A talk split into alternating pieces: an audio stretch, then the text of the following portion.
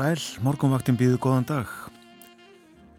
Það er miðugudagur í dag, kominn 15. november, klukkunum vantar nýju mínutur í sjö. Björn Þór og Þórun Elisabeth sest í sín sæti með kaffi í bodlum. Morgunvaktin hafinn, já.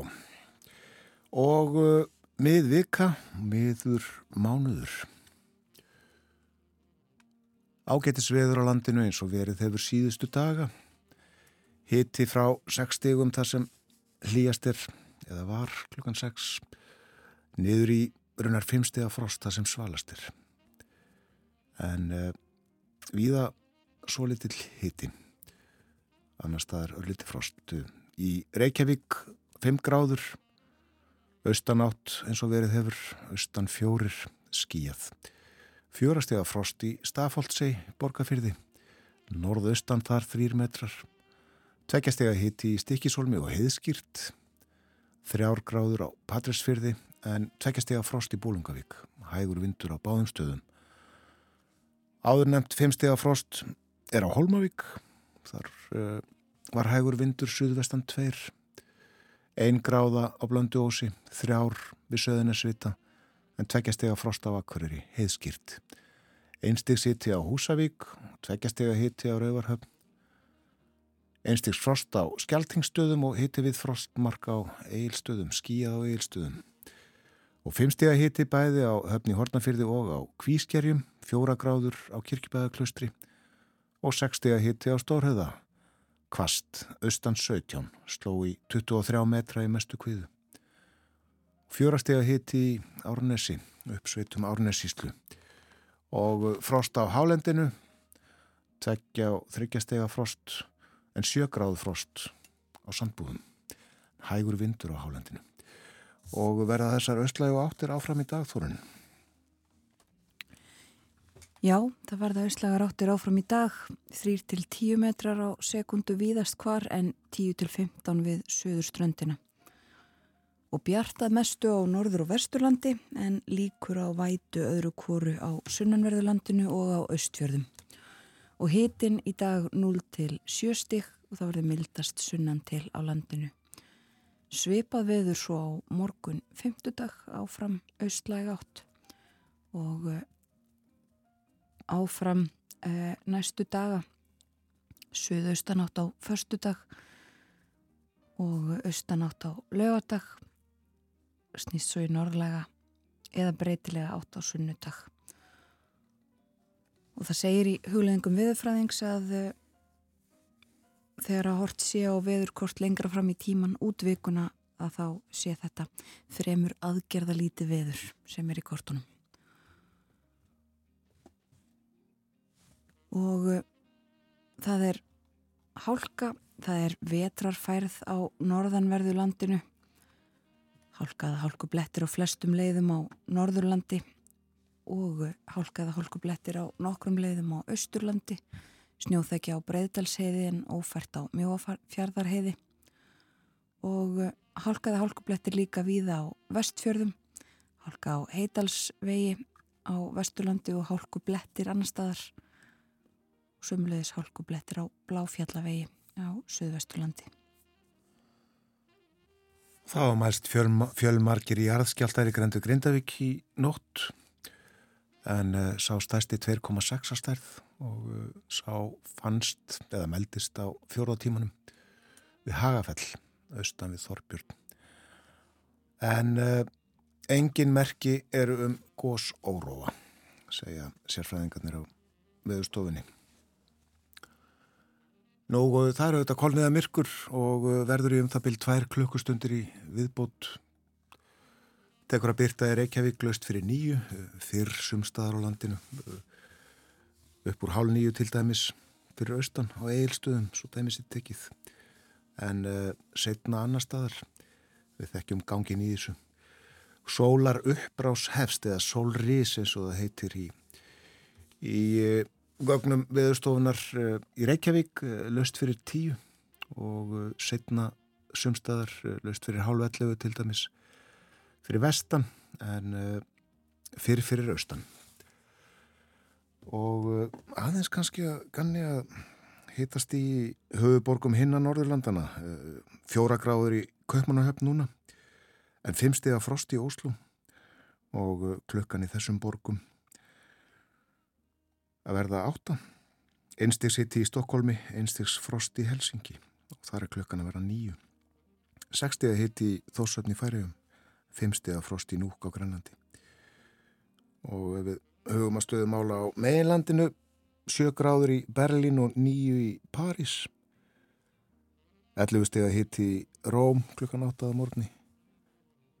Nei, 11 steg að hitti í Madrid klukkan 8 á morgunni. 17 gráður hins vegar í Róm. Og í eh, Lundunum er 8 steg að hitti. Og að mun hlýna á allir eins og stöðum eftir því sem líður á daginn. Við setjum lagafónin, draugum hér fram uh, plötu með K.K. Uh, Lægið heitir á venjulegum degi.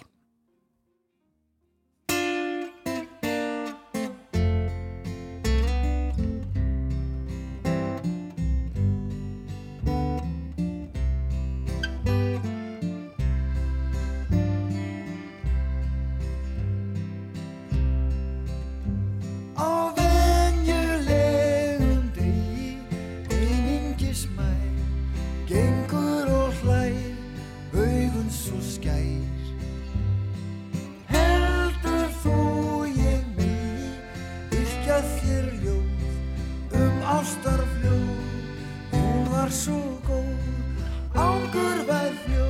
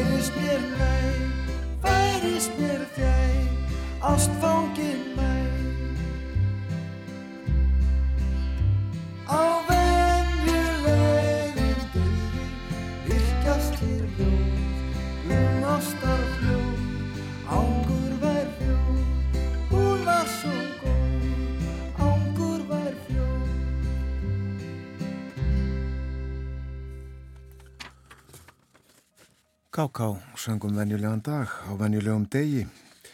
Þetta hafa nú ekki verið venjulegi dagar hjá okkur hér eh, þessir síðustu þó uh, flest okkar hafi gengið til okkar venjubundnu starfa og uh, sínt okkar reglubundnu verkefnum.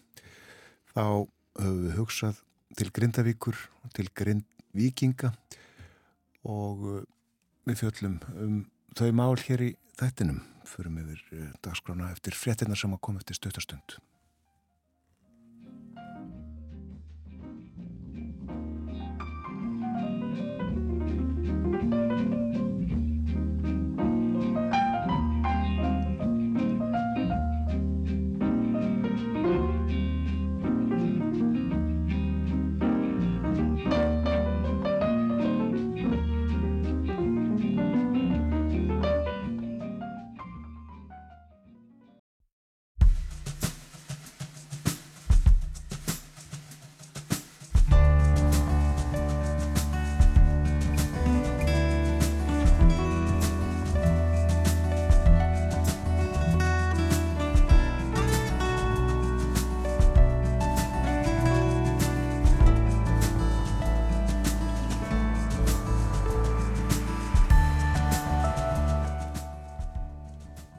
Góðan dag.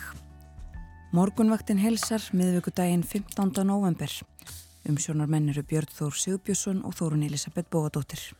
Og við nefnum fyrst að gestur okkar klukkan halv átta verður Elinborg Gísladóttir, soknaprestur í Grindavíkur kirkju. Það hefur mætt mikið á henni eins og öðru fórustu fólki í samfélaginu í Grindavík.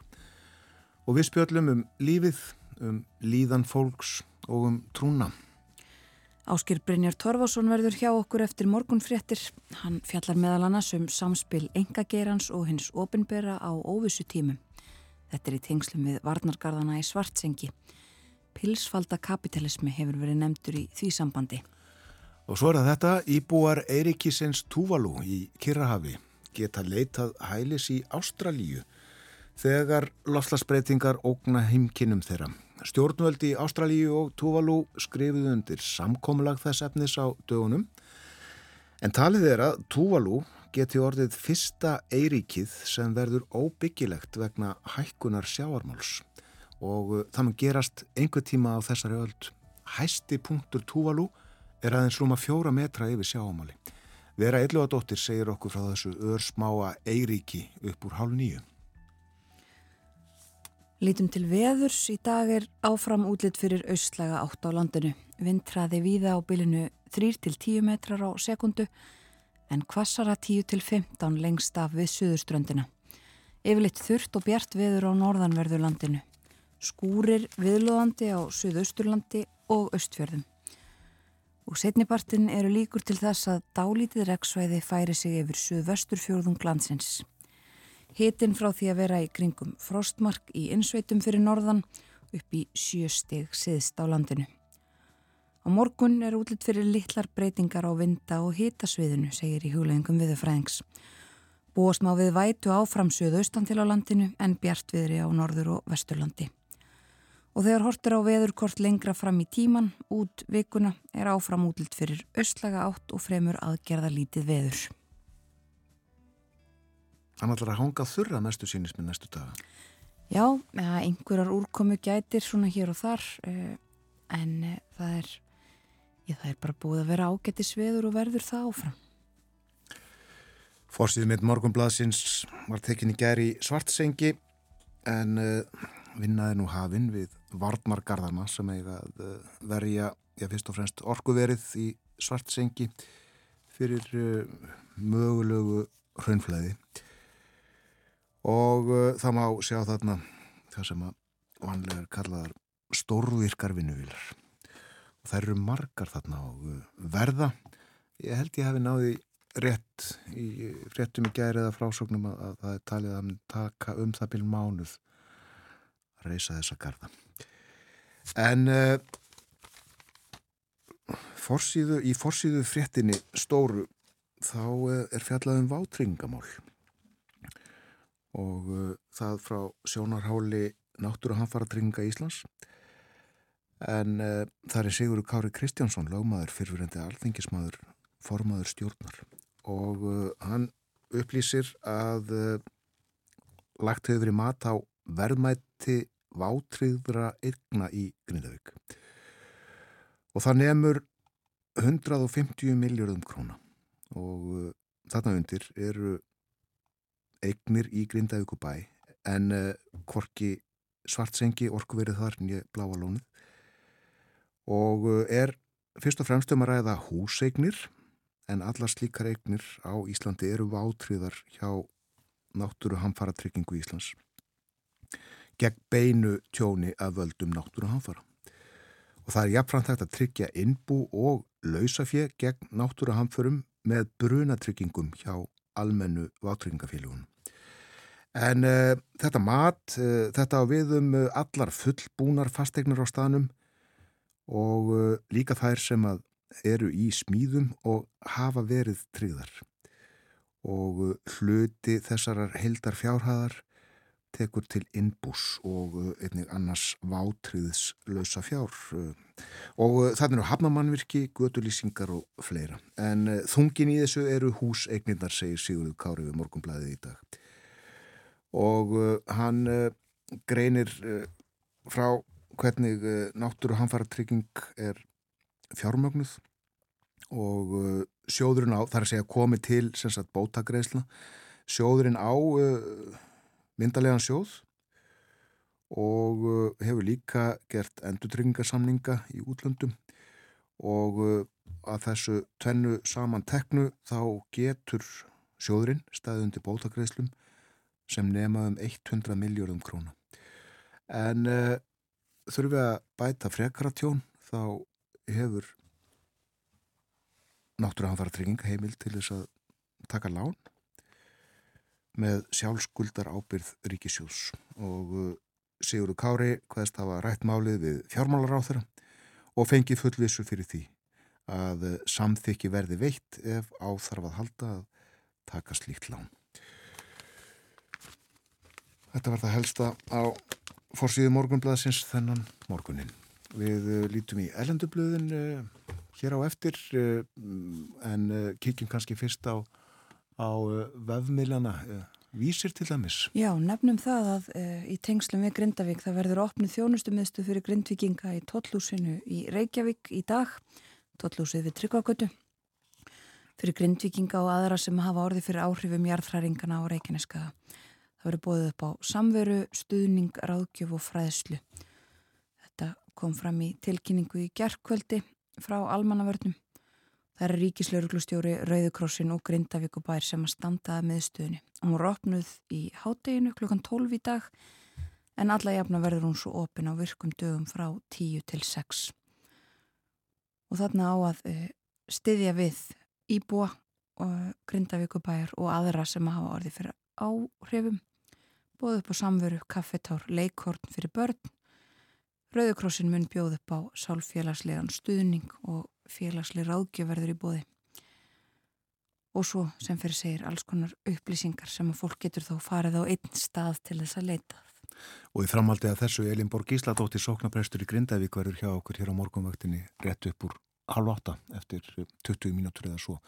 Og nefnum líka að eh, menta og barnamálar á þeirra mun á alþengi í dag eh, flytja skýslu viðbröðu vegna atbyrðana á Reykjaneskaga. Þetta verður á þingfundi sem hefst klukkan þrjú en uh, líklega verður klukkan farin að ganga fimm þegar uh, þessi skýrsla verður flutt.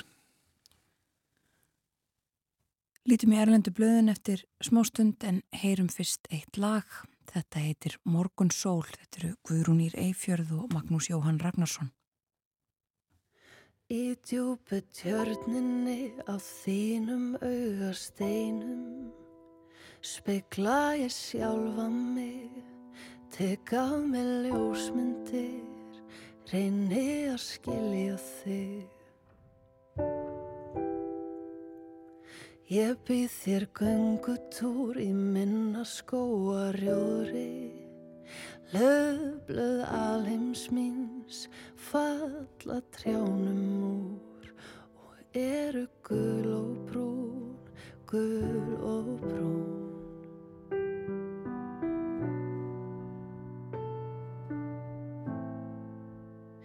Ég er enn á þína lykt, hún minnir mig á frelsi, leip úr ringiðum, völundar húsunum, með veggjur sjónspilum. Og svarta himna umslag með frímerki úr mána fylgdu mína skál af þínu tónsljósi sem ég get dregt mér í dregt mér í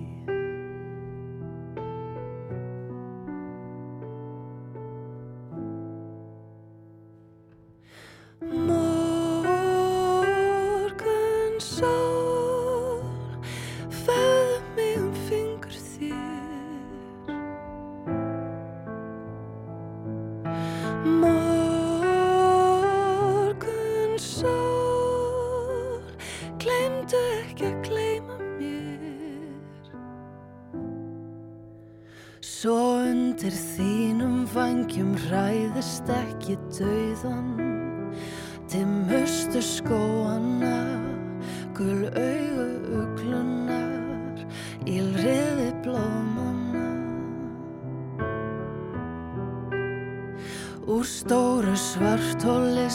Bjargvættur af himninum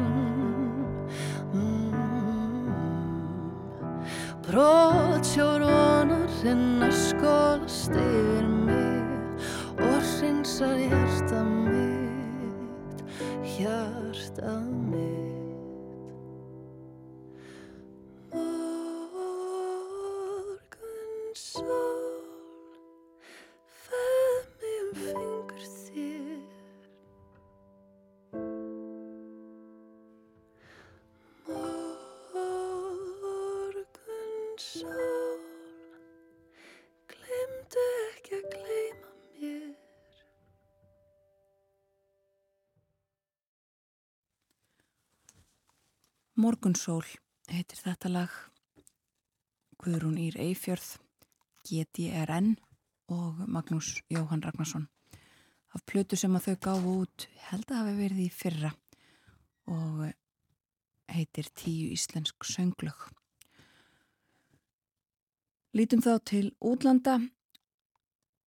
Það er töluvert fjallað um eh, Ísland, það er eh, mynd frá Íslandi eh, af eh, sprungu í vegi eh, fyrir utan Grindavík við golvöllin eh, á forsýðunni á Le Figaro í Fraklandi og fylgst vel með víðar annar staðar, nefni þetta bara sem dæmi af því að þetta er forsýðu myndin á blaðinu. Og við höfum nefnt þetta áður Artur Björgum Bodlason sagði okkur frá þessu í gær uh, fjölmjöla um fyllun í Þýskalandi um stöðumála hér á landi. En í breskum blöðum talað töluvert um stöðuna í stjórnmálunum þar.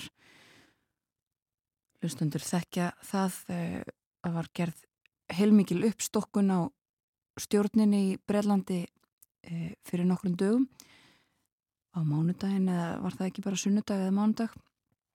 Og David Cameron kom aftur í ríkistjórnina í stjórnmálinn eftir margra ára fjárveru þaðan. Og Suella Braverman var látin fara, það var nú svona stærsta ástæða þessara uppstokkunar.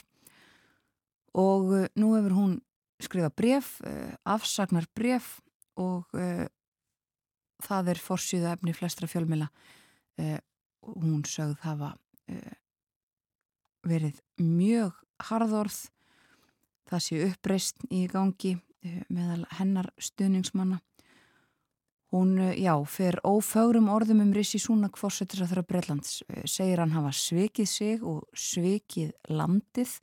Þau hafa gert samkominlag um innflytjandamál hælisleitjandamál og hann hafi svikið það um, hún segir líka að hann sé veikur leiðtogi og ímislegt fleira dregur hún fram í þessu brefi sínu sem að öll, nánast öll blöðin e, taka fyrir á, á forsýðum sínum.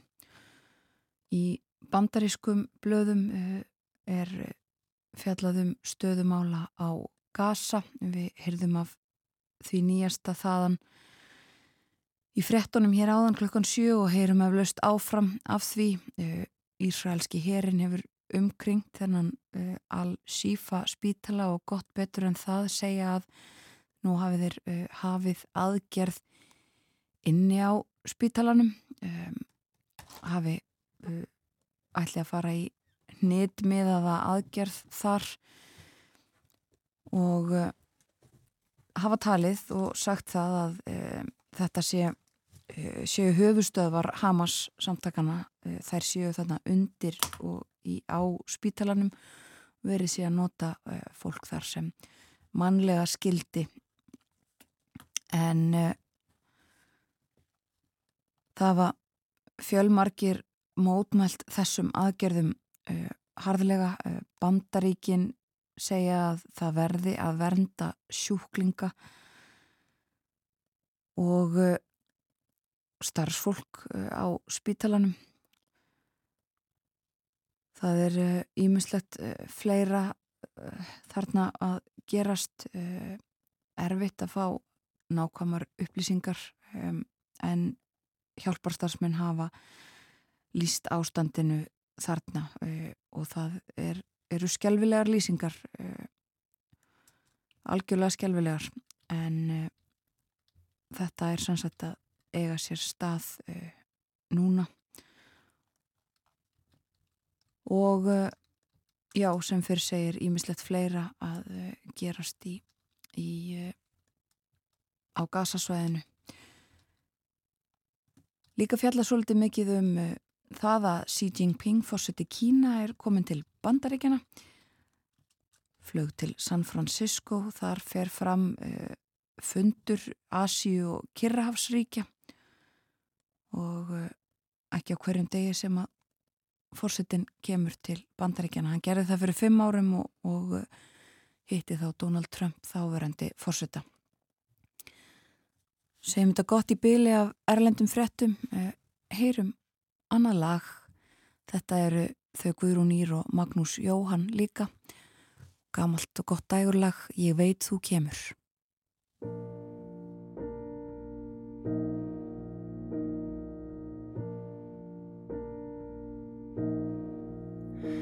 Ég veit þú kemur í kvöld til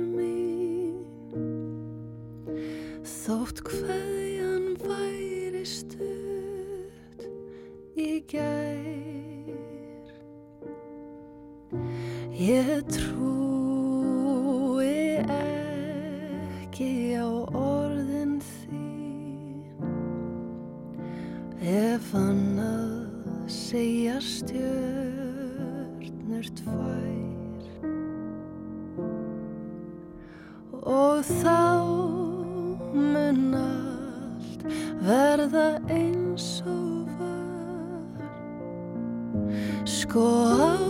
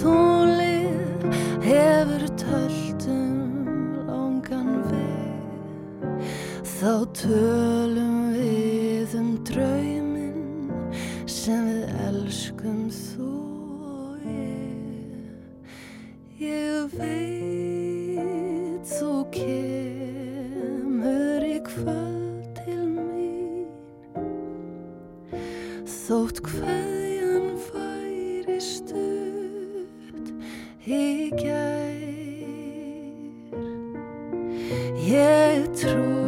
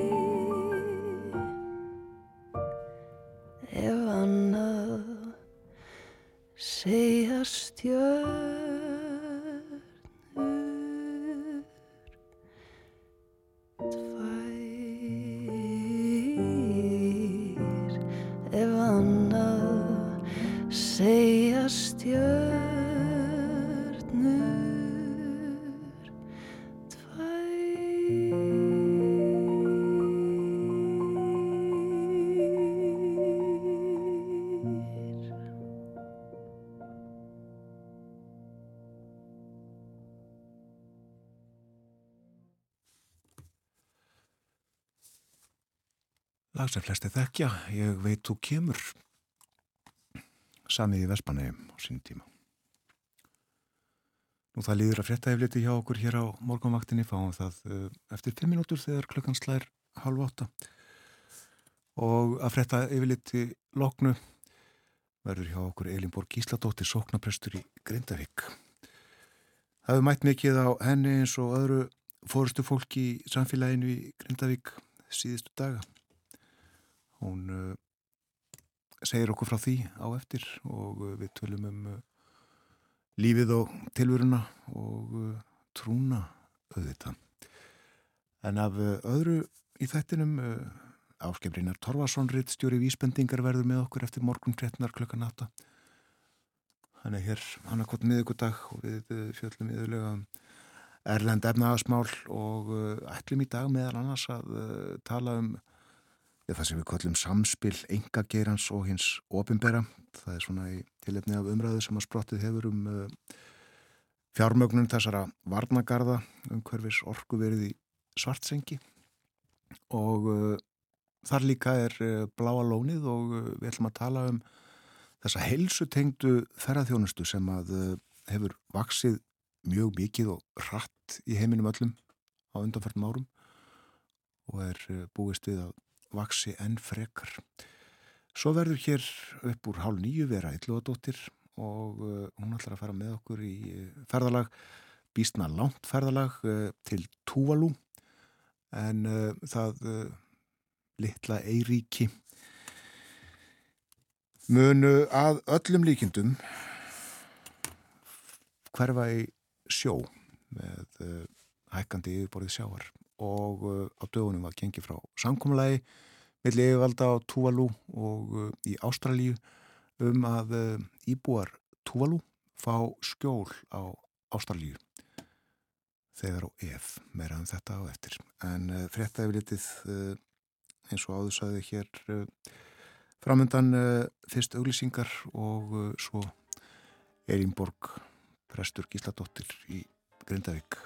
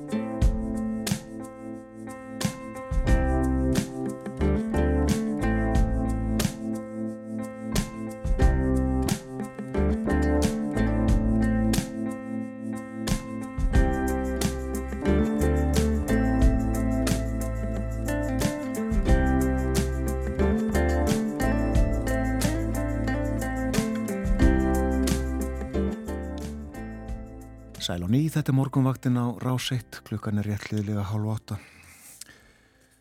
Það er miðugudagur í dag, komin 15. november.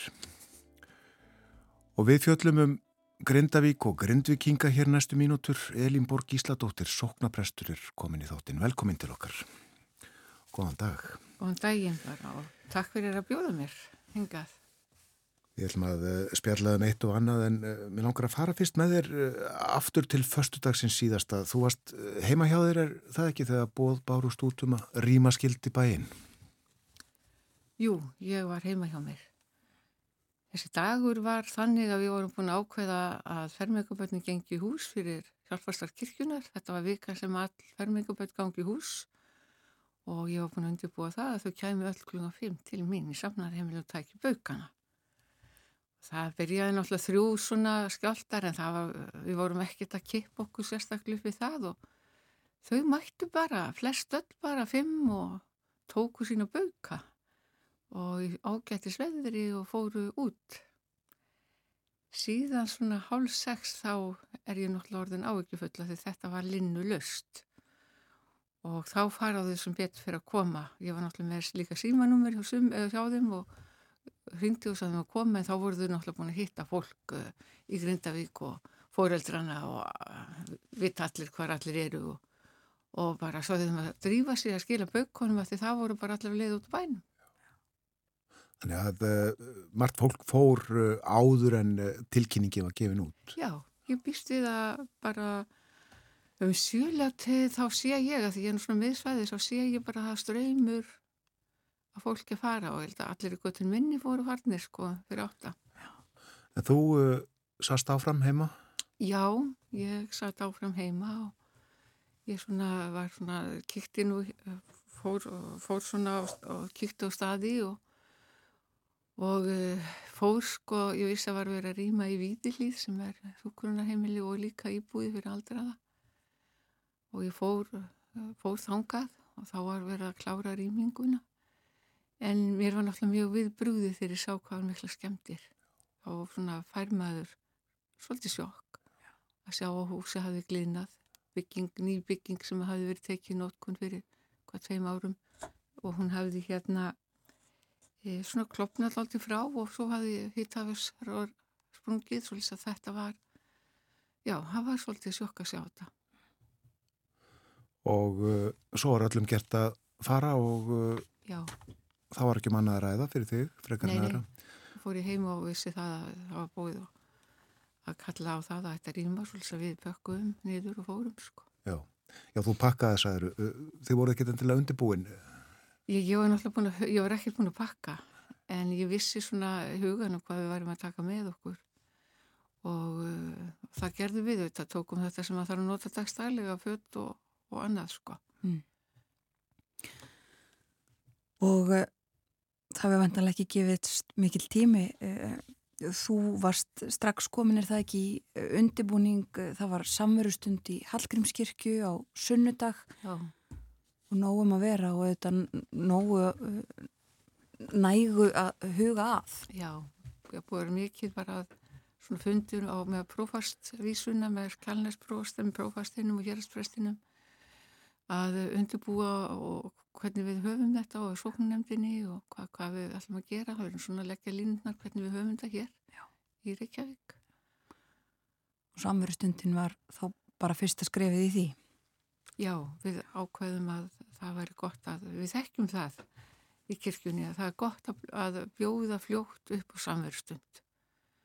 Og það, þetta var mjög gott að koma saman þarna var yfir 600 manns komið og það var gott að áarpaða og allir sem tóku þátt þarna var, voru fleiri auðvitað sem e, biskupin og fósettinn og, og bæjarstjórin og sem töluðu og, og sungum og það var bara, þetta var mjög góð stund fyrir okkur.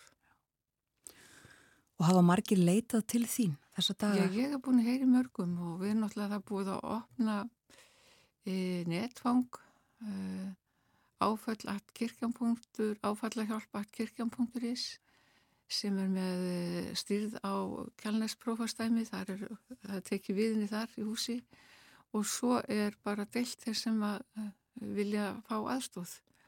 Því við erum náttúrulega höfum eh, mjög stort net í bæði sálrætni áfallahjálp og, og bara áfallum og sálgæslu og við erum komið með bara innan kirkjunar mjög mikið af fólki sem vil þjóna þessum hóp. Og svo erum við náttúrulega með fjölskyldið þjónustu kirkjunar og þetta er bara allt fagfólk innan kirkjunar sem er tilbúið og bóð og búin að stiðja við þá sem það þurfa. Leitar fólk í trúna á stundur sem þessum? Já, ég held það að akkurat á stundum þessum að þá þá finnst fólki gott að koma í þessa hefð þó það sé nú kannski ekkit allar sunda að koma í kirkju eða, eða neitt þannig. En þá er alveg ljúst að þegar að hérna e, svona stórt og mikið áfall verður að þá er gott að koma, þá finnst fólki gott að koma, setjast, syngja saman, sálma sem við þekkjum, hlusta á orgelið og kórin og orðið og það sem við erum að segja það, þetta og verið því sem við þekkjum og það var það var alveg ótrúlegt að standa þarna í Hallgrímskirkju með allt þetta fólk og það tók allir undir faðbúrið það sungu, það var svo mikið sungið og uh, allir tóku undir þetta var svona bara almennu söngur sko, á samt kirkikórnum okkar og, og nokkrum fleiri góðu fólki sem vildi, le, la, vildi hjálpa okkur sko, leggja okkur lið. En það fann maður það alveg sko, hvað trúin sko, getur og hefðin og trúin hvað hún getur gert gott fyrir bara sálinna og líka þetta koma saman og hittast Já, það er uh, hægt að sækja styrk í trúna Já svo sannarlega er það. Hún hefur ekki lifað af öll þessi 2000 ári og það væri ekki. Er annars uh, sterk trúlif í Grindavík? Já, kirkjan hefur sterkast stöðu og hefur allar sjómansamfélagi hefur allar til hlúða kirkjunni sinni. Og uh, ég myndi segja það já að, að uh, hún hefði sterkast stöðu. Virkilega sko. Það er oft sagt þetta að sjómenn séu trúaður. Já, þeir eru það og, og, og, og sjómannadagurinn verð þess vitni, hann er náttúrulega mjög stór og mikið hjá okkur og hérna, já og það er náttúrulega flesti nota þessa kirkju við, þarna eru við að færum að flest bönnin í þessum árgangi og skýrnir og fólk bara virkilega sækir í kirkjuna. Það hefur uh, verið talað um æðruleysi fólksins og Grindavík. Það hefur sínt æðruleysi. Æðruleysi, uh, það hugtak á sér trúalega rættur, er það ekki? Jú, það á sér trúalega rættur, sko. Það var nú, hann hétt Richard eh, Nýbor, hann með minnir sem að bjóð þessa bæn til og hann var guð frængur og prestur og, og hún náttúrulega lýsir svo vel þessu sko sem að trúin er alltaf að uh, kalla okkur til, það er það að, að rá, eða þess að þetta eins og þið sagt er sko að æðurleysið að að uh, greina á milli þess sem að þú hérna getur ráði við og þess sem þú getur ekki ráði við og, og það skiptir náttúrulega öllu máli í áföllum eins og þessum. Það er einhvern veginn að reyna, sko þrátt fyrir það, að uh, maður vakni upp á nóttónum sem ég geri alveg og ég býst að við flest gerum það og að því að það er óróleik í okkur. Og við erum alveg lang þreytt, við erum alveg þreytt á skjáltónu svolítið að Já, við erum lúin þegar þetta dinur á, þá erum við lúin. Og þegar maður verður lúnari þá náttúrulega hérna er okkur hægtari við að fara með hugan út um allt og vera allstaðar og koma með hann í framtíðan og hvað verður og gís núna í dag eða ekki og eða fer allt undir ösku.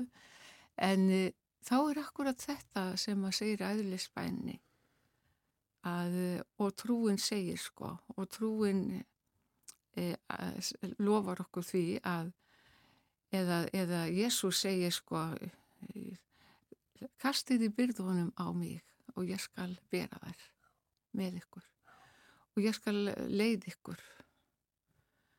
Og, og, og allt, allt þetta sko, sem skiptir svo miklu máli að geta þá hugsaða þannig að kasta frá sér því sem er ekki á mínu valdsviði að breyta. Og það er náttúrulega þetta trú, stefið í trúni Það er að kalla okkur að kjarna hvers og eins. Öll eigum við okkar kjarna, e, þennan guðlega kjarna. Og eftir sem þú e, ástundar bænina og trúa lífið, þá er líklegur en ella að þú haldir, sjáir sko, sér fljóttar að kalla hugan til þín inn í það sem skiptir máli, sem er auðvitað bara þín þitt e, þinn dagur sem þú vaknar til. Hvað ætla ég að gera við hann? Ætla ég reyna að hafa hugan bara í honum og sinna mínu þörfum og mínu fjölskyldu og mínu sam, samfélagi án þess að vera komin með hann í þess, þess, þess þennan harm og, og allt þetta sem blasir við okkur Guð gefið mér aðruleysi til þess að sætta mig við það sem ég fæ ekki breytt, kjark til að breyta því sem ég get breytt og vit til að greina þar á milli. Já, að þetta er nefnilega akkurat það sko. Að, að hafa vit til að greina þar á milli og, og kjark til að breyta því sem ég get breytt. Og svo sannarlega stöndum við öll á miklum breytingatíma. Ekkert verður aftur eins. Það er alveg ljóst. Uh, auðvitað trúum við því og við vonum það að við snúum aftur. Uh, mörg hús er ónýtt. Við sáum það þegar við fórum þarna, fengum að fara tilbaka. Uh, það lægi með mitt hús. Það var, var reyndar eins og ég skildi við það og eins með kirkuna. En mörg hús eru ónýtt. En við vitum það að þetta bóðar mikla breytingar. Og þá er einhvern veginn bara að hugsa það þannig að breytingar líka, hvernig svona þegar við horfum til framtíða kannski með það, breytingar e, það er líka e, e, einhvern veginn og þessi breyting hún nær alveg niður í kviku og þá segi ég sko öll eigum við bjargráð. Okkur hefur öll verið gefið bjargráð, við eigum bjargráð. Þessi þjóðu áfylgta bjargráðum uh, og sjómans uh, samfélag á mikið bjargráðum vegna þess að forfeður og mæður okkar þær hafa sínt þar að þær hafa staðið að sér storm og olgu sjó. Mikil áfell af orðið, mikil mannskaði en við höfum uh, þessi bjargráð og þau félast í, í sögu okkar, þau félast í, í, í arfinum okkar. Og við þurfum núna hvert og eitt okkar að að líka spyrja okkur flest höfum við lendi í áföllum býsti við, flest lendum við í áföllum hvaða bjargráð notum við þá? Hvað reyndist okkur vel? Hvernig komust við gegnum áföll? Staldra við og spyrja okkur vegna þess að við notum það sem við kunnum svo bara fáum við meiri aðstóð en eh, ég held að það skiptir miklu máli þessi að koma saman þarna í þessu húsnæði, þessi þjónustu miðstöð að það skiptir mjög miklu máli að koma saman að því að þarna komum við saman og við eigum öll sýpað reynslu. Við, við deilum okkar tilfinningum reynslu og vonum saman og við þekkjum þessa líðan. Já. Þess vegna er svo mikilvægt að við uh, notum, eða þjónustum við mætum flest þanga, hvernig, okkur, hvernig okkur líður. Ég hef myndið séð uh, grindvikinga segja í viðtölum uh, hvaða var gott um helgina að uh, hitta aðra grindvikinga. Horfa í augun á þeim, faðma þá. Þetta var mikilvægt. Þorstedt Gunnarsson, borgarittari í Reykjavík, Vespanægingur að upplægi en, en búsettur líka í Grindavík um árabil. Hann sagði hér í speiklinum í gæra að þetta var svo mikilvægt á sínum tíma þegar hann og hans fólk þurfti að fara frá Vespanægum þegar gauðist þar á sínum tíma að hitta aðra eigamenn. Já, þetta, þetta, þetta skiptir bara mjög miklu máli í því að komast í gegnum áfall. Það er hitt aðra. Gera þetta saman. Gera þetta saman. Það er bara, uh, maðurinn er samfélagsverða og það er samfélögin sem að náttúrulega skipta svo miklu máli. Já. Og þessi þjónustumiðstu opnar í dag í hátteginu og verður opinn alla virka daga. Uh, verður þú þar? Já, ég ætla allavega að mæta þannig dag, ég er nú reyndar, sko, þetta verður brátt á hún ætla að opna núna, en ég ætla að mæta, já, og, og kíkja þannig dag og sjá aðstöðuna og sjá hvernig þetta er og, og ég veit það alveg að því ég er nýbúin að, ég, þetta er sko, hjálp, ég er búin að skoða eða vera í tengslum þannig sem að segja mér það að, að þessi, þetta stóra og miklu húsnæði, það verður svona bara byggt eftir þörfum okkar í Grindavík. Hvað viljum við sjá í þessu húsi? Hvað eh, ætlum við að gera með það auðvitað verður þarna búið að segja strax að það verður þarna hægt aðstofa fólk verður bæði fræðsla og uppbyggingastarf og endur reysn á margan hátt og, og það er bara mjög gott Hefur þú annars uh, fengið einhverju aðstöðu til þess að uh, sinna þínum störfum, taka móti fólki eða tala við það? Já, ég hef gert það sko. Ég fæði inn í, í, í kirkjónum og, og hjálparstarfi eh, og, og fjölskylduðu þjónustu kirkjunar, hún er með aðstóðu í Háterskirkju og þar get ég verið og verð. Já. Og uh, þjónustumiðstöðin já er eitt, eru þið að skipulegja eitthvað eða er hægt að, að gera eitthvað meira með ykkar svona hefðbundna starfi að því að það eru auðvitað ekki bara messur í kirkjum, það er eins og þú nefndir á þannig að það eru fermingabönnin og það er barnastarfi, kórastarfi, alls konar. Já, sko við vorum að ræða það og, og með organistinn og Kristján Hrannar og, og fleiri sem vorum að, erum Grindavík að Það kannski bara hægt að vera með barnakór þarna, kannski hægt að hafa kórastarfi þarna og, og kannski hægt bara að vera með helgistundi þarna og, og, og búa sér til eitthvað drými og alveg öruglega hægt að vera með fermingafræslu þarna. Og æskulistarf og annað sko sem er nú reyndar búið að, e, búið að svolítið að koma fyrir sko hérna í fyrir, fyrir grindvikinga. Við fylgjumst með þessu auðvitað og uh, greinum frá en þú nefndi Grindavík og kirkju. Uh, þú fóst til Grindavíkur á mánudagin ekki satt? Jú, þarna þegar við máttum fara, já. já. Og uh, fóst bæði á heimiliðitt og í kirkjuna og kirkjan er þarna á, á horni Ránagötu og uh, Östuvegar. Bara rétt við uh, sprunguna eða, eða gjána eða hvað við kollum það. En óskemmt með öllu. Já, ég fór inn í hana og, og ég sá ekki neitt, það var allavega ekkert með gólfinn og hafði ekkert síð og ég gæti ekki séð neitt svona í fljótu bræði og ég býði við hliðina á kirkunni og það var eins hjá mér. Og ég get alveg sagt okkur það að með að við myndirnar þá vissi ég ekki á hverju ég áttu von. Og við vorum þrjá tíma í bílaröðinni á leiðinni. Og ég fann alveg sagt og rólega svona sapnast svona spenvi líkamann og, og svona olgu og, og bara kvíða og hvað ég myndi sjá.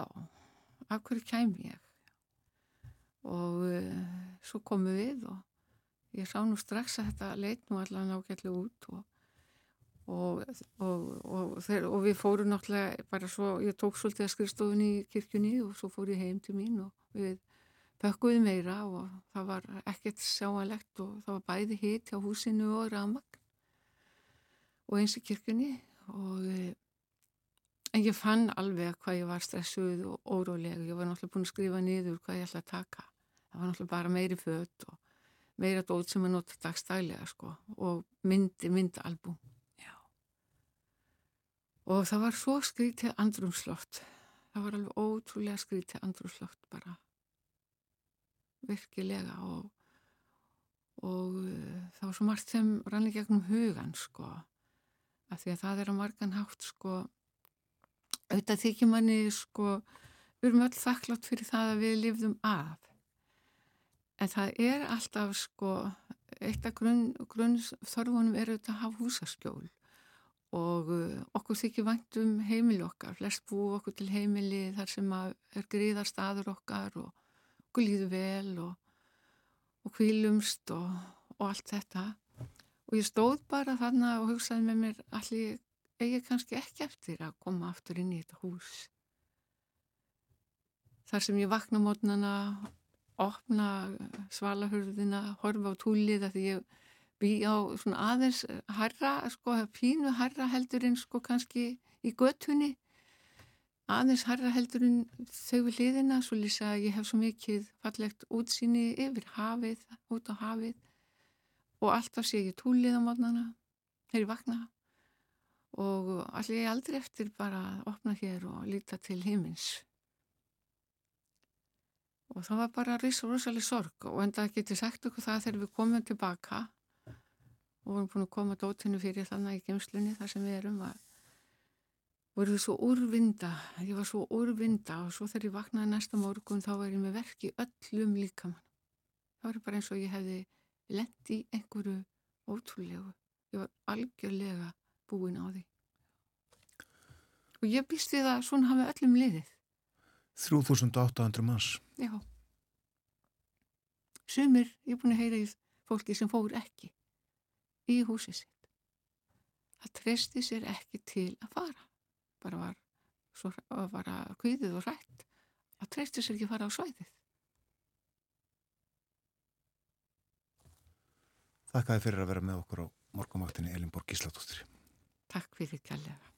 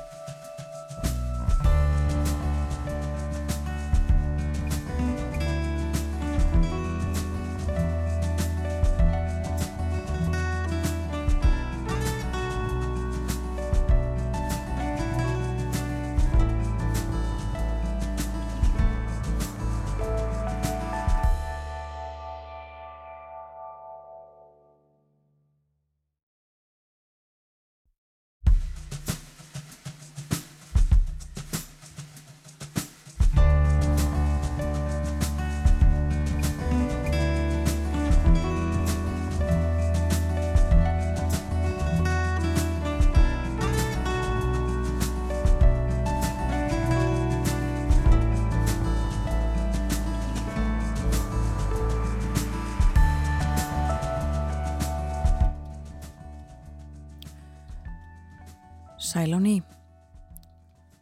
Áframheldur morgunvaktin á rás 1. Klukkan 6 mínútur gengin í nýju og það er meðvikudagur í dag, 15. november. Ásrúmbrinni yngvastóttir fór yfir. Veður horfurnar, hér í fréttunum rétt áðan. Fyrir fréttunar réttum við við sóknarprestin í Grindavík, Elinborgu Gísladóttur. Töluðum um stöðumála uh, og uh, hún lísti því fyrir okkur hvernig það var að yfirgefa heimili sitt og svo líka því að koma aftur fá að fara inn bæði í kirkuna og á heimili sitt og, og uh, bjerga verðmætum og taka með sér nöðsunir. Það voru engar sjáanlegar skemdir á kirkjunni þrátt fyrir að hún liggi þarna alveg við uh, sprunguna stóru sem við höfum séð uh, fjölmarkar fréttamindir af og myndbönd.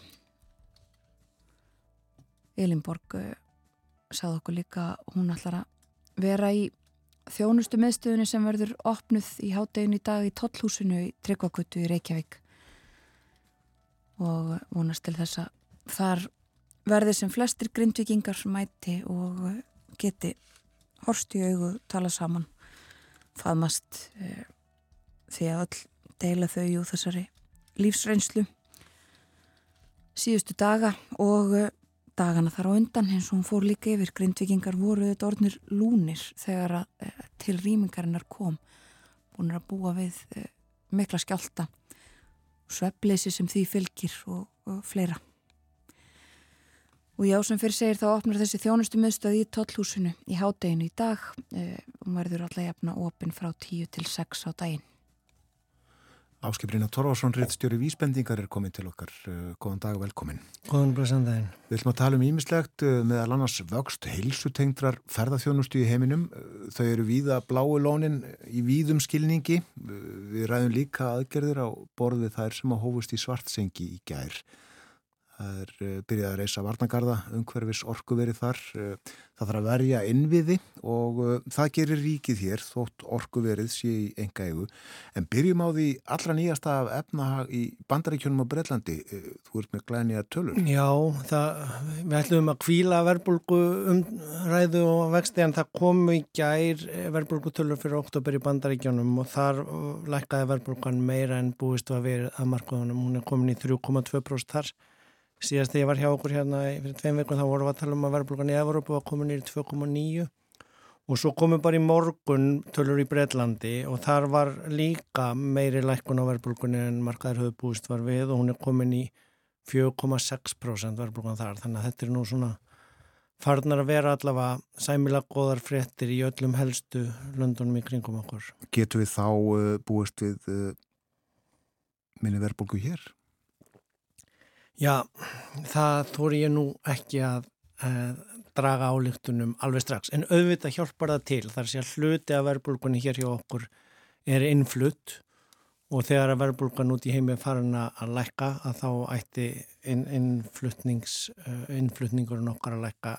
En þá kemur gengið sem spilar inn í. Þetta er svona eins og kveikugangar og magnkveiku og gliðnun, það, það, eru, það er bæði já, hvað sprungan er stór og hvað mikið er að þrýstast í gegnum hana. Þannig að ég uh, verða að, já við verðum að býða og sjá með það en, en og auðvitað spilar þarna síðan inn í líka aðrir uh, atbörðir eins og, já, væntingar og, og við sjáum það á hlutabriðamörkunum og uh, mögulega aflengarinn í gengi líka ferðarþjónustu fyrirtæki og þess að það verða fyrir já, einhverju lækkun bara út af svona óvissu meðan að já, við hungum í þessari óvissu gís eða gís ekki. Einmitt, og það er vaksta ákvörðun að dagur eftir viku. Já. Uh, en uh, þá að innviðunum hér, uh, vörnunum, ég regna með að, að orðið pilsfaldakapitalismi verið nefnt hérna, en viðnámsþróttur, það er orð sem að þið notið hafræðingarnir Já, þetta er, eh, hvað við segja, svolítið eins og var verið að lýsi fyrir að viðtali. Við erum náttúrulega búin að vera að fara í gegnum já sko ekki bara hér í okkar uh, fiskiþorpum heldur náttúrulega í öllu þjóðfélaginu í heimsfaraldri en líka út um allan heim uh, svona já, mjög mikla umbreytingu á síðustu þremur fjórum árum varðandi það já, við hverju maður geti búist og hvað maður þarf að búa sig undir og, og við sáum það í alltjóðaviðskiptalífunum mjög satt eftir faraldurinn að það var hægt að svona stóla á einfalt flæði örugt og rætt og, og var farið að byggja inn og það er hluti af verbulgunni sem byggðist upp, það er farið að byggja inn meiri buffera, meiri svona siglu í kerfin og kannski þá tvær línur að aðfengum eða tvær eh, já, aðfangakeðjur þannig að ef einn slitnar þá sé önnur opinn og, og, og þetta er náttúrulega já, tekur tíma og kostar pening að byggja upp. Og þetta er ekki hægt að, að já, byggja upp tvöfalt hittavitu en, en eh, mögulega þarf allavega að huga að einhverjum tengingum við stærra kerfi bæði orku og, og heitavatni að því að já, við erum ennþá að horfa fram á að það er virt eldgósasvæði þarna nánast undir þessu orkuverði þannig að það er, það er, það er ekkit víst að sé að bæja hraunflæði frá ef að, ef að náttúran, já það var grein í Financial Times um það, við lærum af þessu að það er náttúran sem ræður, við ráðum ekki við náttúruna, hvað hún ákveður að gera þannig að... Það er vist ábyggilegt og ef við höfum lært eitthvað á undanförnum árum þá er það að þið ómögulega getur gest Já, já, og, og, og, aftur og aftur sko, er, þannig að, að þetta er það sem er búið að vera á alþjóðasviðinu að verða byggin varðandi viðbröð við hamförum vegna lofslagsbreytingarna á fjöldamörgum stöðum og tryggingar kostnaðir að aukast og jáfnvel tryggingar fél og hægt að tryggja og undirbúa sér fyrir að bæta á þeim svæðum sem eru vest útsett kakvart hamförum á loslasvonni þannig, þannig að þetta er búið að vera heil mikið í svona alþjóðleiri viðskipt og efnaðasumræðu nú þegar e, og, og hérna og síðan þegar við já, ef, ef við snúum okkur að svartsenginu þannig og þessum svona grunn innviðum sem að sjálfsögðu sko, fyrsta leið eru við með hennan 3500-600 manna bæ sem er náttúrulega hræðilegt fyrir allt fólki sem þar býr en, en, en eh, sko, við, við getum alveg endurbyggt þann bæ hvort sem það er skemmtina þar eða ef, ef það nú fer að gjósa á þessari sprunga það þurfa að endurbyggja einhverstur annars þar það er, það er alveg þekkt úr hagsjónu og Keynes kent okkur. Ég menna við höfum efna og gera allt sem við getum gert. Ef, ef við höfum nógu margar jarðitur eða nógu margar byggingakrana þá getum við byggt, það tekur náttúrulega sjálfsög einhver tíma og, og það, það er svona óvissu þátturinn í þessu en, en, en, en síðan er það í raun og veru sko uh, meira þetta hvað eh, telst grunninn viður og hvað ríkið á að taka þátt í að endur byggja það verja og hvað telst til enga geirans og það sem að, að já, þar sem að hagnaðurinn færir eigandunum já, ábata fyrir áhættinu sem þeir taka og síðan þá er ekki að setja alla áhættu og óvissu yfir á ríkið alltaf endalust því það er ekki þar sem hægt er að gera endalust þó við getum gert það fyrir heimili eða, eða uppbygging á samfélagsinnviðum. Og þetta er það sem kallað er, kallað er pilsfattakapitalismi. Já, sko, það er, það, þetta er nú gamalt, hugt að ég, ég held að hefði komið úr atomstöð Haldur Slagsnes en, en þetta varð svona mjög, mjög rætt viðtakt eftir fjármálarsunnið þegar að náttúrulega ríkinn þurftu að hlaupundi bakka með mikilvægum fjármálastofnunum að það megi ekki byggja upp þannig kerfi að, að hagnaðurinn sé alltaf engavætur en tapið sér alltaf þjóðvætt og, og láti renda, lenda á, á okkar sameilu sjóðum. Og skattlagning hagnaður og, og arðs er ekki nóg? Já sko uh, uh, samtryggingin felur náttúrulega í sig það við getum ekki, þú veist, hækkað hérna viðlæðtryggingagjaldið á Íbúa í Grindavík. Það dreifist á alla. Við ætlum, að, við ætlum að borga það saman og allir borga pínulítið og þá er þetta að borga tilbaka að endurbyggja heimilin. En, en við getum uh, hins vegar sko ekki sagt, það er svo mikilvægt að enga væða öll orkufyrirtæki eh, að því að engaðilar er ekki orkufyrirtæki betur en ríkið. En síðan þegar eitthvað kemur upp á í orkufyrirtækinum þá á ríkið að borga sko. þannig verðum við að gæta að svona hvar mörkin liggja og já, ef, við, ef við teiknum upp á skala að, að, að við getum sagt að klóagleislunar og, og jável hittavarsleislunar eru eitthvað sem við ætlum ekki að hafa samkeppni um, það þarf ekki að hafa margar þannig leislur, þá kannski ekki skynsalegt að hafa engaðila til að byggja og reyka það. Uh, Luxushótel er eitthvað sem við viljum nú ekki að ríki sér reyka að byggja og, og, og síðan erum við með, ok, spa, uh, sundlugar, við, við sveitafélagum byggja sundlugar, hérna, uh, innviði, ljósleðara, við erum með tvo ljóslegar að flestlöndir er um eitt, það, það er hérna samkeppni eða ekki ef, ef þeir eru í sömu göttunni þá fara þeir báður í sundur þannig að það er ekki hinn aukna trygging sem ég var að tala um aðfangakennur aðan af því en, en, en þannig er í raun og veru bara, já, á þessum rófi þarf að ákveða en mörkin þurfa að vera nokkuð skýr því það er ekki að færa þau eftir því sem að, já, þegar að velgengur að þá fara allir hagnaðun til enga gerans en svo þegar ílagengur, hvort sem það er COVID heimsfaraldur eða, eða annað, að þá eigi alltaf lenda alltaf voru ekki sjóði. Sko. Nei. Eh, rétt aðeins að þú dróst upp þessa dekstu mynd af, af eh, Grindavík, það er í svítjöður það ekki bara núna verið að flytja bæ? Jú, það, ég, ég, hann kom inn tíu ár síðan flyttið að hann en þá var byrjað að ræða um að sagt í kýruna nýrst í Svíðjóð langt fyrir norðan Grindavík eh, nei, langt fyrir norðan Grímsei ætlaði að segja, eh, hérna langt fyrir norðan Heimskautsbögg er, er bær sem var bara byggður upp frá því um 1900 þegar þar fannst risastór játnáma og hún er svo stóra að að náman er farin að grafast innundir bæin og, og ja, skólin er orðin það hættulega sprungin að krakkarni get ekki farið í skólan, hann er ekki að mikla en hann, hann er, spítalinn er, er komin með mikið að sprungum þannig að það er búið að vera undirbúið það núna í allavega tíu ára að flytja hreinlega, já, stóran hluta af bænum. Þetta er, er átjáðansmanna bær og það er allavega 6.000 íbúarna sem sem eitt þriði af íbúinu sem þarf að hreinlega að, að flytja í nýjúhús sem þarf að byggja aðeins utar í bænum og að því þið voru að tala við prestin á hann að kirkjan í Kíruna er, er einn fallegasta bygging í Svíþjóð.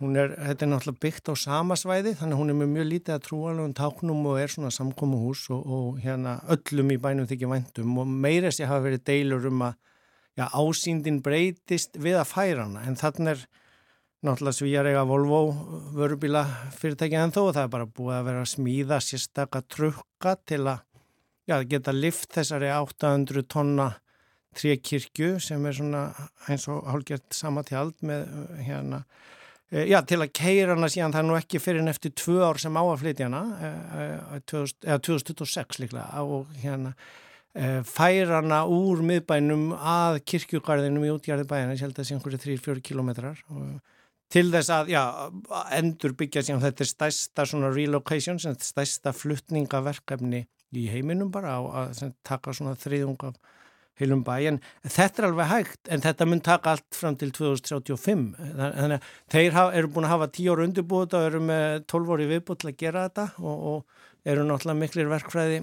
hérna svona já mikil verkfræði þjóð og, og tækni og, og þetta er gert til að geta haldið áfram með námuna. Og hún er notabene í eigu LKAB sem er ríkisfyrirtæki, stærsta námafyrirtæki í, í Svíþjóð og í eigu ríkisins en er rekið á samkemmilegum grunni og, og framleiðir hjátt fyrir 80% af Europamarkanum, hjáttnámi heimu og er núna farin að gera þetta græna hjátt nút frá grænni orku þar sér og þess vegna er Europasamandi búin að setja upp totla á hið, hið brúna eða skítu að hjátt sem kemur frá öðrum löndum.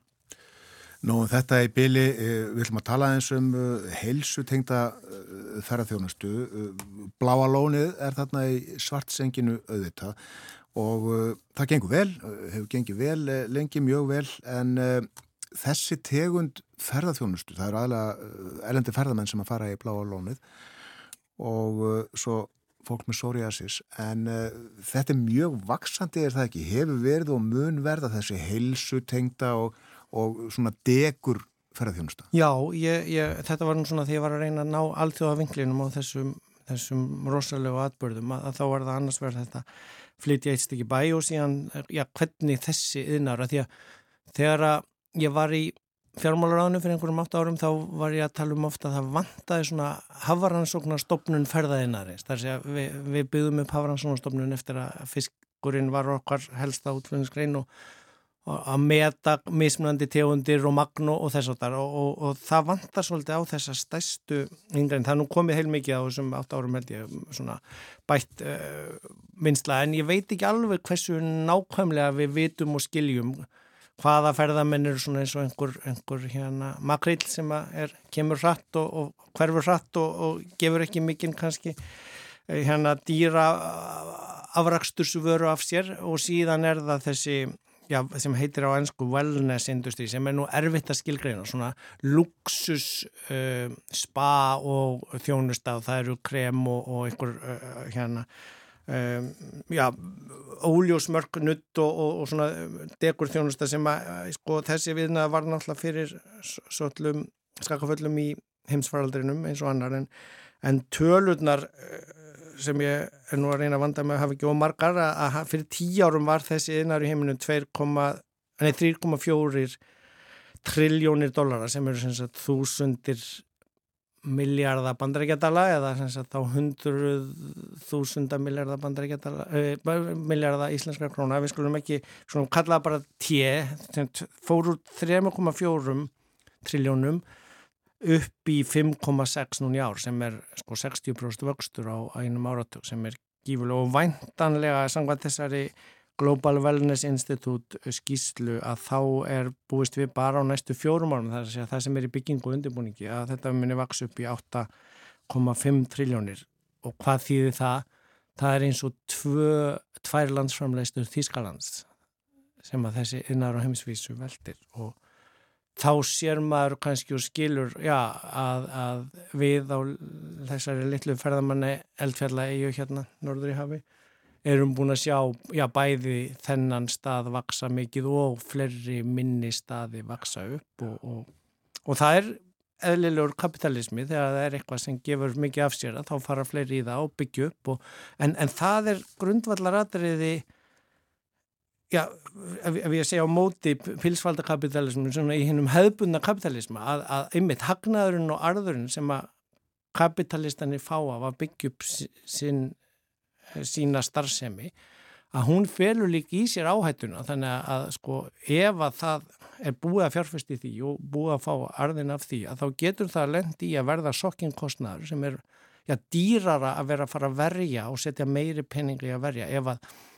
ef að hann er eh, undir, já, svo mikil áhætt á að lenda undir, undir raunni og, og það er, já, þá er ekki ríki að fara að byggja upp uh, einhverja hérna luxus uh, spað þjónustu heldur, það er bara sömu eða aðrir uh, kapitalista sem fari að byggja það upp á, á, í nágranninu eða annar staðar og, og, og þannig virkar markaðurinn og hérna ég held að, að Já, auðvitað er það ekki gott fyrir fjárfæstana meðan á óvisinu stendur og vonandi náttúrulega bara stíplast þetta, þessi kvikugangur þarna eins og kitti í sprungu og við getum uh, komist aftur í sem heitir svona business as usual að við, viðskiptinn halda áfram að ganga fyrir sig. En, en, en meðan óvisan er að þá eru náttúrulega bæði já, markaðir, fjármagnið og, og aðrir aðilar svona í óvisu og þeir, þá er hún verðlóð svolítið dýrt óvisan meðan hún stendur yfir. En það getur því kauptækifæri líka fyrir aðra sem eru tilbúinur að taka áhættuna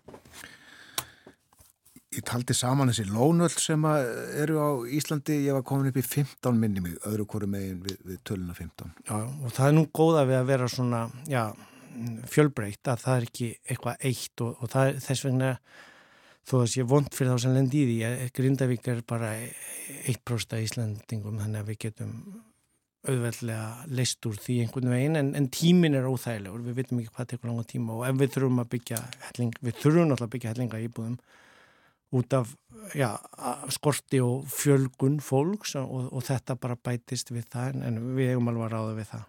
Takk fyrir að vera með okkur í dag. Takk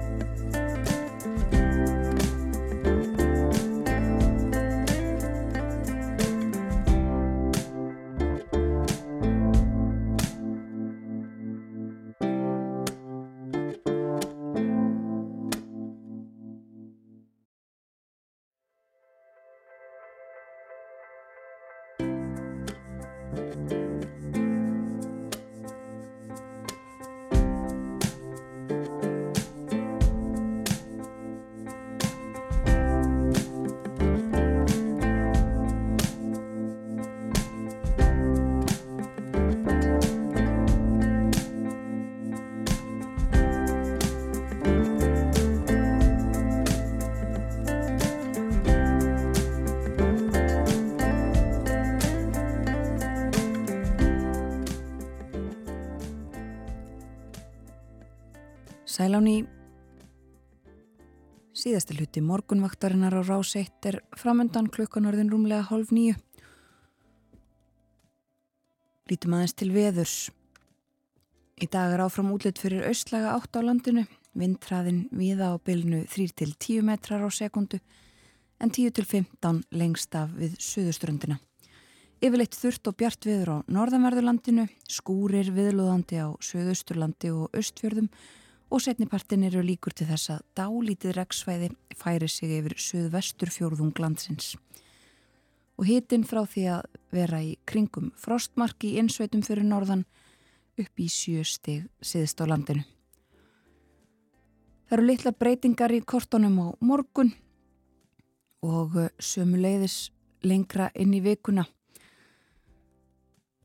og út vikuna raunar. Áfram útlitt fyrir austlaga átt og fremur aðgerða líti veður. Í síðasta hluta þáttarins í dag förum við í ferðalag. Já, langt ferðalag. Eh, við förum til Túvalú. Vera Eilláðdóttir er komið til okkar, hún er farstjóri. Vera, ég átta mig nú svo illa á nettinum. Hvort förum við í austur eða vestur þegar við förum til Túvalú? Við uh, förum í sumu átt og við ætlum til uh, Ástralju til að mynda í, uh, í Kirrahafið. Túvalu er eijaklassi í Kirrahafi í Pólinesju nánar tiltekið. Sjálfstætt ríkja má segja kannski um miðjavegu milli Ástralju og Hawaii. Uh, lengst á uh, hafi úti, úti í Rúmsjó en innan um uh, fleiri eigjar og, og smá eiríki sem að hafa nú stundum borið á góma hér í þessum þætti eins og, eins og, eins og Fiji og Vanuatu, Nauru og fleiri smá eigjar. Það eru svona nánar, eh, nánar tiltekið svona 3500 kilometrar frá, eh, frá Tuvalu að ströndu Queensland í norðaustur eh, Ástralju. Tuvalu þetta eru uh, nýju eigjar, þrjár kóraleigjar og, og sex uh, ringrif og alls uh, eru þetta ekki nema 26 ferkilometrar af landsvæði sem að gerir Tuvalu fjörða minsta sjálfstæða ríki heims kemur þá eftir Vatikaninu, Mónakó og, og uh, grann-eigunni Náru. Þessar uh, nýju eigjar tegja sig uh, eitthvað um 600 km frá norðri til söðurs og eh, en eh, ríki býr yfir afar stórri efnahagslöksugu 900.000 eh, tverrkilometra hafsvæði í kringum þessar, kringum þessar nýju eigjar. Og þarna býr til þess að gera fátt fólk? Já, ekki sérlega margir þarna búa eitthvað um 11.000 manns eins og er. Og já, ástæða þess að Við erum að ræða, Túvalu er að, er að þetta Eiríki, það rata nú kannski ekki oft í eh, heimsfrettinnar en gerði það í eh, síðast, síðustu viku. Þá var eh, tilkynnt um áhugavert samkomilag sem var undirritað af annarsvegar forsætisráð þeirra Túvalu, Kásia Natano og kollega hans í Ástralju. Uh, Antoni Albansi og uh, þeir undirrituðu það sem að kalla er Fale-Píli uh, sambandið. Fale-Píli er orði í túvalúskri tungu sem að mun þýða eitthvað í líkingu við nákvæmna, kærleik eða svo og Ástralja þetta er eitt af, eitt af grannríkjum túvalú. Þó, þó langt sér á sér á, milli. En þetta samkominlag sem að vaki hefur talsverða aðtegli uh, gengur, að, gengur uh, meðal annars út af það að stjórnvöld í, í Ástralíu hafa gefið það út að, uh, að ríkisborgarar Tuvalu megi uh, setjast að í Ástralíu og eh, fá þar með auðveldum hætti atvinnuleifi, leifi til uh, náms og, komast á mjög auðveldan hátt inn í, inn í kerfið uh, í Ástralja og Ástralja er nú kannski ekki land sem að er þekkt fyrir að taka opnum örmum á móti fjölda inflytjenda, svona frekar stranga inflytjenda lögjöf og, uh, og þetta ástæðan fyrir þessu er já, svo ógun sem að stæðjar að Túvalu vegna lofslagsbreytinga og uh, það er talað um það að uh, Tuvalu gæti orðið fyrsta sjálfstæða ríkið sem að, sem að hverfur alveg uh, undir, undir haf með hækkandi sjávarmáli þar sem að þessar eigjar eru gríðarlega lálendar. Hæsti punkturinn á Tuvalu er ekki nema 4,6 metra yfir sjávarmáli og stærstu hluti, stærstu hluti landsvæðisins sem að sem að eigarnar eru, eru eitthvað meðaltali kannski 2 metra yfir sjávarmáli. Og sjávarmál feru þetta hækkandi eins og uh, sínt hefur verið rækilega fram á. Og eigarnar eru nú þegar eiginlega að hverfa í sæ. Og það verður sífilt minna byggilegt, byggilegt land. og á, á, ásamt því að það hafa, hafa íllviðri og, og, og, og annað hefur, hefur leikið Túvalú búa grátt á, á síðustu árum. Og uh, talað um það að uh, samkvæmt einhverju nýlegri rannsókn uh, NASA-bandarísku gemferðarstofnunar þá uh, má búast við já, 20 cm hækkun og sjávarmáli á þessu svæði fyrir árið 2050 og alltaf einn metra fyrir lok þessar aldar og þá verða þessar eigara líkindum orðnar óbyggilegar.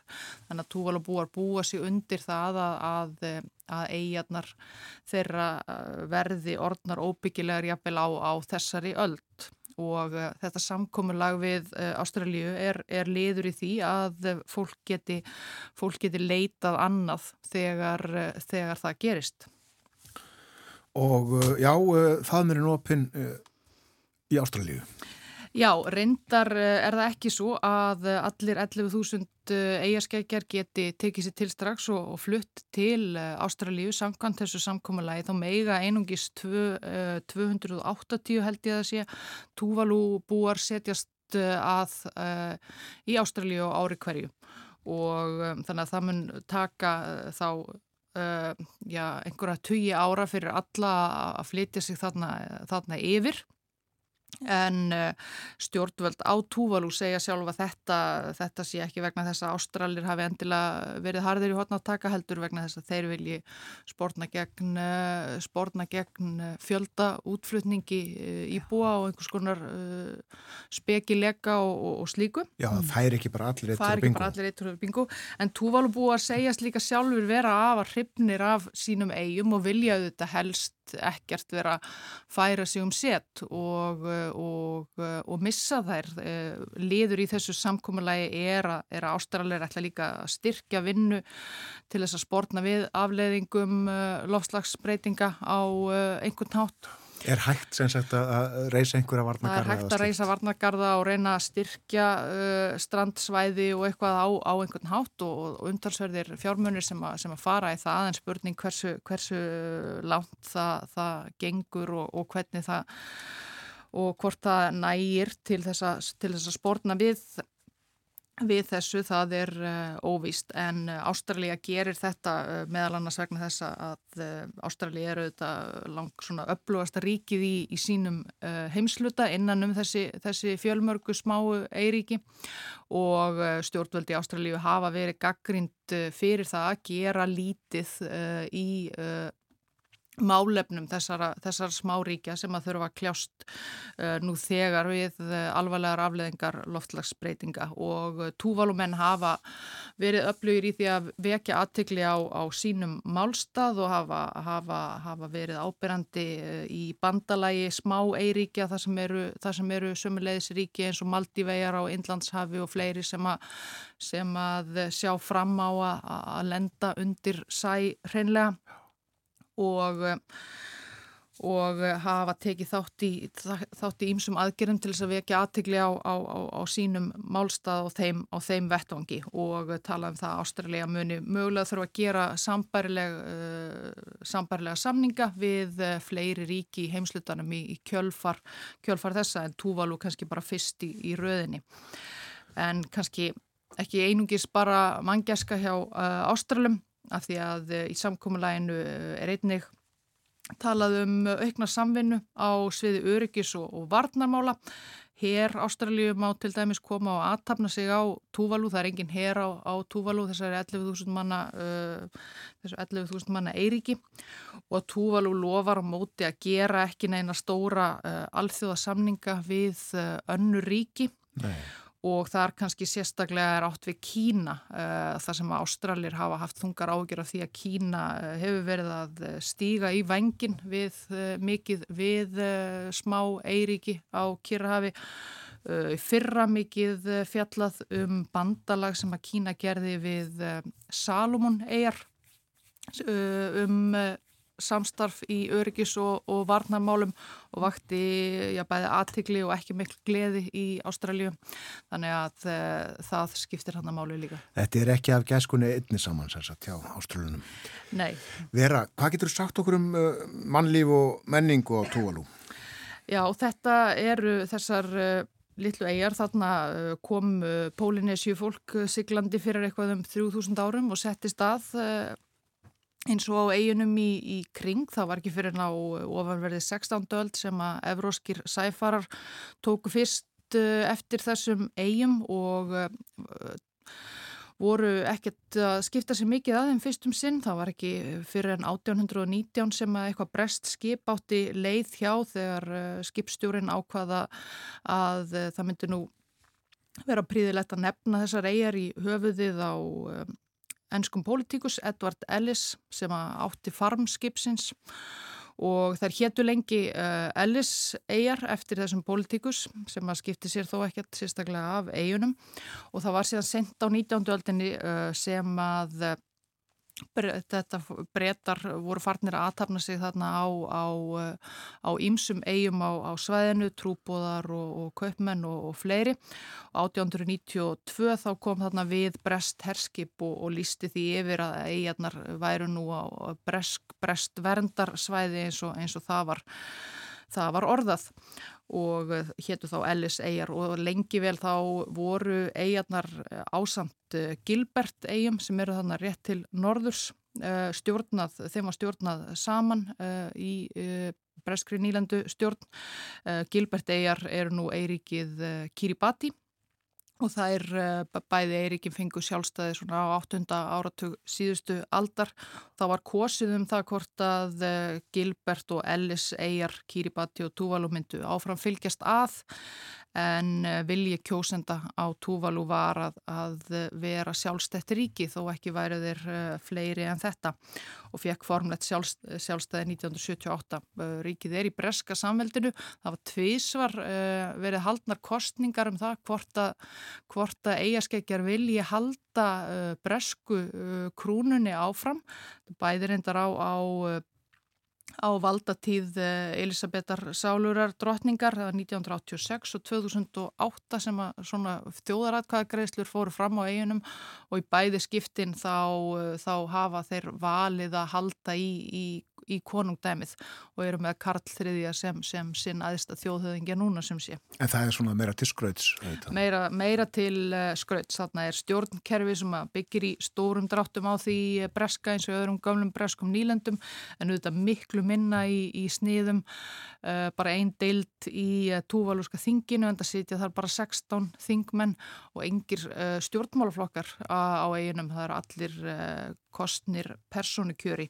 En þetta er ekki sérlega auðugt uh, land uh, þarna er svona kannski lítið að uh, hafa þegar það vex ekki mikið á einum lítill jarðvegur og verður sífælt minni út af, út af ágangi sjávar, þarna vaksa kókosnettur og einhverjir rótar ávextir. Annars reyða eigaskekja sig á, á sjóin í, í, í kring og sækja hann. Og selja líka veiðilefi í þessari uh, gríðarlega stóru efnahagslöksu sem að, uh, sem að eigarnar uh, eiga mm. og margir túalubúar þykja, þykja góðir sjómenn og ráða sér gerðnan á erlend skip og senda peninga heim. Það er líka mikilvægur hluti af túvalúska hagkerfinu talaðum að alltaf 15% túvalúskra karla vinni á erlendum fiski og flutningaskipum og svo nýtur Túvalúska ríkið uh, líka mjög góðs að því að selja lén, uh, þjóðar lén landsins, það sem er punktur is uh, hér á Íslandi, það er punktur tvaf á Túvalú eða TV, television og uh, þetta og slík lén þau uh, ganga kaupum og sölum og, og um, Sjó, starfstæðir í heimi sem að kaupa já, þetta? Já, sjómastættir og, og eitthvað sem að geta, geta keift slík lén og, og Túvalú hefur, hefur notið mjög góðs af þessu léni. En annars þá, þá fá líka, fá eigaskikja líka fjárhagsaðstóð frá Breitlandi, frá Ástralíu, Nýja, Nýja Sjálandi og, og, og víðar að en eh, ekki sérlega blómlegt uh, hagkerfi kannski og uh, lítur ekki út fyrir að, að, að það batni, batni mikið þegar að, að eigarnar eru að hverfa í sæ.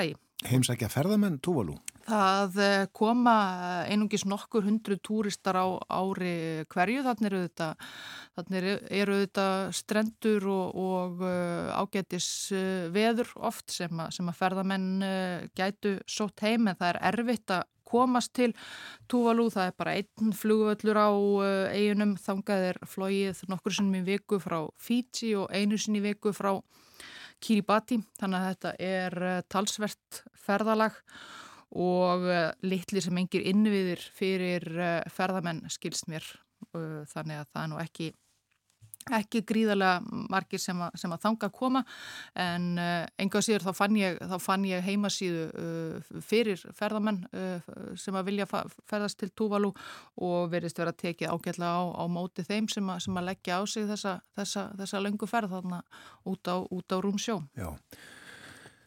Klukkan í Túvalu er 12 tímum á undan okkur, klukkan þarf að verða nýju að kvöldi og það er núna 30 stíga hitti.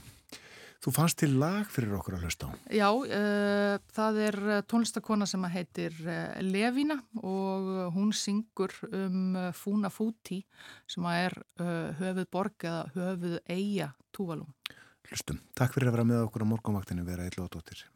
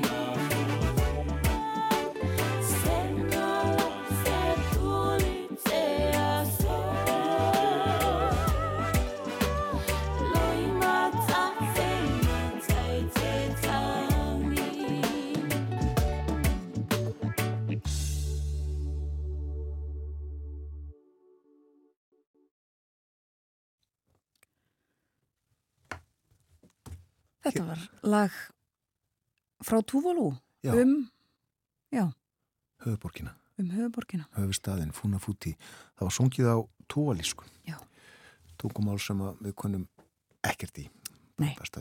Levína heitir hún sem söng og uh, þetta leku við í framaldi að frásögn veru yllegadóttur frásögnum Túvalú en uh, tilöfnið uh, samkomlag sem að gert hefur verið milli Túvalú og Ástralíu um að fólk á Túvalú geti flust í uh, mörgum skrefum yfir langan tíma til Ástralíu þegar vegna þess að uh, það mun gerast að uh, Túvalúmunni hverfa í sæ. Fyrir morgun rættum við, við Áskil Brynja Torfarsson, réttstjóra vísbendingar. Hann var með okkur eins og annan hvern miðvöggudag. Töluðum um ímislegt sem við kemur uh, efnahagsmálum. Og uh, fyrsti gestur okkar í þættinum í dag var Elinborg Gísladóttir, sóknarprestur í Grindavík. Fjöldluðum um Grindavík og um Grindvíkinga. Þá stöðu sem að eru í þessa dagana. En morgunvaktinni er lokið í dag, þennan miðvíkudags morgun. Við þakkum samfélgina, verðum hér aftur í ferramálið. Bjóðum góðan dag þegar klukkunum vantar tímyndur í sjö. Verðið sæl.